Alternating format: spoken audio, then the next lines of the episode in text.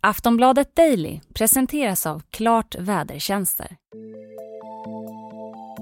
De senaste åren så har de blivit en allt mer självklar syn i våra städer.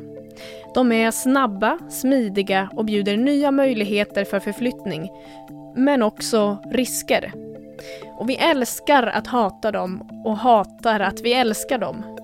Ja, det handlar förstås om elsparkcyklarna och hos våra grannar i Norge så tar man just nu krafttag mot dem. En ny lag ger norska kommuner möjlighet att införa elsparkcykelfria zoner och begränsa hastigheter. Och vissa av företagen har också börjat stänga av de norska elsparkcyklarna under natten. Och det finns anledning till det. För om vi ser till en typisk elsparkcykelolycka så finns det vissa komponenter som ofta återkommer. Olyckan inträffar under en helgkväll och den innehåller en ung man med alkohol i blodet. Alltså precis de förutsättningar vi har nu när restriktionerna har lättats och semesterglada svenskar släpps ut i sommarnatten och krogarna får ha öppet längre. Ja, då blir det lätt en hyrd hoj på hemvägen. Och det är ett problem för landets akutmottagningar. Och det är också ämnet för dagens avsnitt av Aftonbladet Daily jag heter Liv Elgenklöv. Och idag pratar vi med Ragnar Ang. Han är överläkare på traumavårdsenheten på Salgrenska universitetssjukhuset i Göteborg. Och där har de märkt att olyckorna med elsparkcyklar ökar. Eh, situationen hos oss har varit som sådant att vi har märkt att hela 2019 att det varit en ökad inflöde av eh, olyckor som där elsparkcyklar varit inblandade och därpå har vi gjort en mätning under 2020, maj till oktober eh, och fått eh, till att eh, 127 patienter har sökt våra akutmottagningar. Vilket också är lite underrepresenterat, för inte alla har blivit inkluderade på grund av högt arbetstryck på akutmottagningarna. Och nu när restriktionerna har släppt 2021 så har vi också sett att, det kommer in påtagligt antal olyckor uh, där elsparkcyklarna har varit involverade. till exempel nu till helgen hade vi sex stycken på fredag och fem stycken på lördag bara på Sahlgrenska tomten. Vad beror det på? Eller alltså vilken koppling har det att restriktionerna släpper och att folk skadar sig på elsparkcyklar? Jo, för våra mätningar 2020 visar tydligt att eh, över 50% av eh, eh, patienterna som kommer in med elsparkcykelolyckor har varit, eh, hade druckit alkohol just innan. Eh, och det andra är att eh, de flesta olyckor händer på helger och på kväll nattetid. Eh, och det kopplas då nu med att restriktionerna lyfts och som ni vet så har krogarna öppet längre och krogarna öppet överhuvudtaget. Så att både alkoholbruk och tid på dygnet eh, spelar roll nu. Vilken typ av skador är det då som de eh, kommer med? Knappt hälften av skadorna involverar ansikte och huvud och den andra knappt hälften involverar armar och ben. Och då ser vi mest frakturer i armar och ben och ansiktsskelett och blödningar i, i hjärnan. Gör ni något särskilt då? Har ni någon speciell beredskap när det kommer till helger?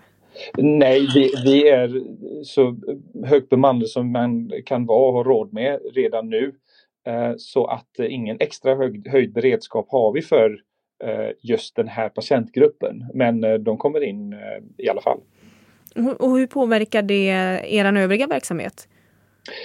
Givetvis belastar det vår övriga verksamhet för det som vi också har märkt i vår undersökning är att om vi frågar våra patienter om de hade något alternativt färdmedel till exempel om ingen elsparkcykel skulle vara tillgänglig eller om inte hela systemet hade funnits då hade de antingen promenerat, tagit eh, kollektivtrafik eller tagit taxin. Och de är inte förknippade med några skador.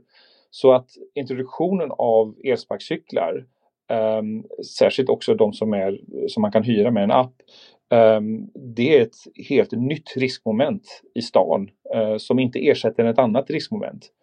Så de här skadorna som vi har beskrivit uh, är, hade inte hänt, hade inte förekommit om inte det varit för elsparkcyklar. Vad ska man göra åt det då, tycker du? Eh, för det första är mitt arbete eh, är ju också preventivt. Så det, det första är att vi ska mäta och visa att detta förekommer, vilket vi nu har gjort.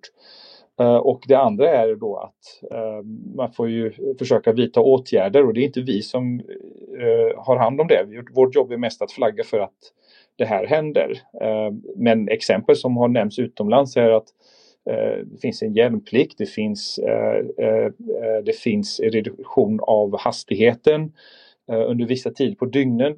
Oslo till exempel har föreslagit detta. Paris överväger att förbjuda dem helt och hållet för att de har haft dödsfall. Och jag tror personligen att det är bara en tidsfråga tills att vi i Göteborg eller i Sverige får våra första dödsfall. Jag vet att Skåne har haft ett dödsfall för något år sedan men detta kommer ju att hända. Vi ska ta en kort paus här för ett meddelande från vår sponsor. Vi är strax tillbaka. Visste du att Klart är mycket mer än väderprognoser? I appen hittar du allt ifrån en badstrandsguide till tips på hur du bäst tar hand om sommarhuset. Mikael Sjöstrand är meteorolog på Klart. Förutom alla funktioner som jämförelseprognos, pollenprognos, badväder så hittar man massor av väderartiklar på Klart. Allt från var du hittar de varmaste baden, odlingstips till varför det åskar och fördjupande långtidsprognoser. Ladda ner Klart-appen för allt du behöver veta om väder. Du hittar den där appar finns. Så när ja, då var vi tillbaka igen. Och vi pratar ju om elsparkcyklarna och riskerna med dem. För vi kan se att antalet olyckor har ökat sedan förra året. Och överläkaren Ragnar Ang varnar för att vi kan komma att se dödsfall i framtiden. Men samtidigt så har ju folk faktiskt cyklat och trillat och skadat sig i alla tider. Är det egentligen så mycket farligare med elsparkcyklar? Vi hör Ragnar Ang igen. Um, de regenererar ju skador som vi inte riktigt ser med cykelanvändning till exempel. Komplicerade knäfrakturer är ett bra exempel. Ehm, de är mindre stabila än en vanlig cykel av förklarliga skäl. De har mindre hjul och man står ju på den men, så att tyngdpunkten är också annorlunda. Ehm, man åker oftast två på dem, jag tror inte ens att det är tillåtet. Ehm, och de är inte, Ehm, de, de, är överallt, de är på trottoar, de är på cykelbanor, de är på väg så att man byter ju eh, trafikbanor helt, hela tiden och det är säkert också ett riskmoment. Vi ser att de skadorna som inträffar är eh, en, ungefär på en tredjedel på cykelbanor och en andra tredjedel på trottoarkanten. Så att det, det, är, eh, de är inte riktigt reglerade och det, jag tror att det är det som är en stor del av problemet, att det är, att det är relativt oreglerad. Ehm, det finns ingen eh, ehm, om man är alkoholpåverkad eller inte, det känner man ju inte av heller så man kan fortfarande använda den när man är alkoholpåverkad. Så det finns en hel del som, är, eh, som går att förbättra på det. Ehm, hjälmanvändning ser vi bara i var tionde eh, patient som kommer in hade hjälm på sig. Och definitivt måste man som Göteborgs stad ställa sig frågan om man överhuvudtaget ska ha den här typen av färdmedel uh, i den här omfattningen som, som finns idag. Vad, tycker, vad är din åsikt i den frågan? Eh, reglera eller förbjuda? Um, jag tycker att ett eh, förbud är den enklaste vägen till att minimera eller eliminera skador. Um, vi ser ju patienter som kommer in med livshotande skador och jag tycker att en är en för mycket. Ni hade 11 stycken eh, skador under en helg till följd av elsparkcykelanvändning. Vad, vad betyder de siffrorna egentligen om man sätter det i kontext? Jämför med till exempel cykel. Ja, vi får ju inga eh, i stan på en blöt kväll får vi ju vi får ju cykelolyckor men inte i den här omsträckningen.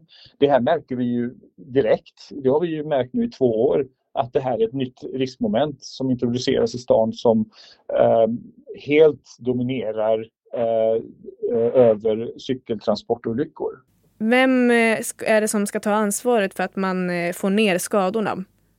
Jag tror att det är eh, Göteborgs stad, trafikkontor, eh, säkerligen, eller det som är ansvariga för att eh, introducera den här eh, fordonen i, i, i staden och bland medborgarna. Eh, vi har nu visat att det genererar Eh, en hel del eh, sjukhuskapacitet, eh, eller att det förbrukar sjukhuskapacitet. Det genererar sjukfrånvaro.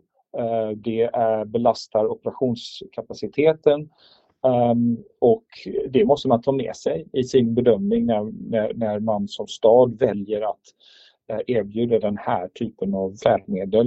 Eh, det är väl min sunda förnuft som, som, eh, som talar här. Och, alltså, de behöver acceptera att det finns ett skadeutfall som, som konsekvent av det här valet. Och de behöver ju definitivt vara medvetna om detta och helst uttrycka hur mycket skador de tycker är acceptabla som är orsakade av detta. Men hur känner du då? Brukar du, brukar du köra elsparkcykel? Eller? Jag har aldrig stått på en elsparkcykel. Du, du, är, du är inte sugen på att testa eller? Egentligen inte. Nej, är det på grund av eh, både din förkunskap så att säga? Eh, ja, jag, ser ju skadorna. Eh, vi ser skadorna här och ehm, så det är såklart att ehm, det är eh, något som, som får mig att inte köra en elsparkcykel. Vad säger, ha, Ragnar, har du någon medskick till folk som lyssnar på det här och som använder elsparkcykel? Nej, medskicket är ju såklart att eh, ehm, undvika att vara påverkad. Eh, kör låg hastighet, vet vad du gör, kan trafikreglerna och eh, vara var extremt försiktigt. Eh, för det kan hända i väldigt låg hastighet också. Eh, åk inte två på samma eh, elsparkcykel och ehm, eh, ha hjälm på dig. Det säger Ragnar Ang som är överläkare på traumavårdsenheten på Sahlgrenska universitetssjukhuset. Jag heter Liv Elgenklöv och du har lyssnat på ett avsnitt av Aftonbladet Daily. Vill du så får du gärna prenumerera på oss så missar du inga nya avsnitt. Så hörs vi snart igen. Du har lyssnat på en podcast från Aftonbladet. Ansvarig utgivare är Lena K Samuelsson.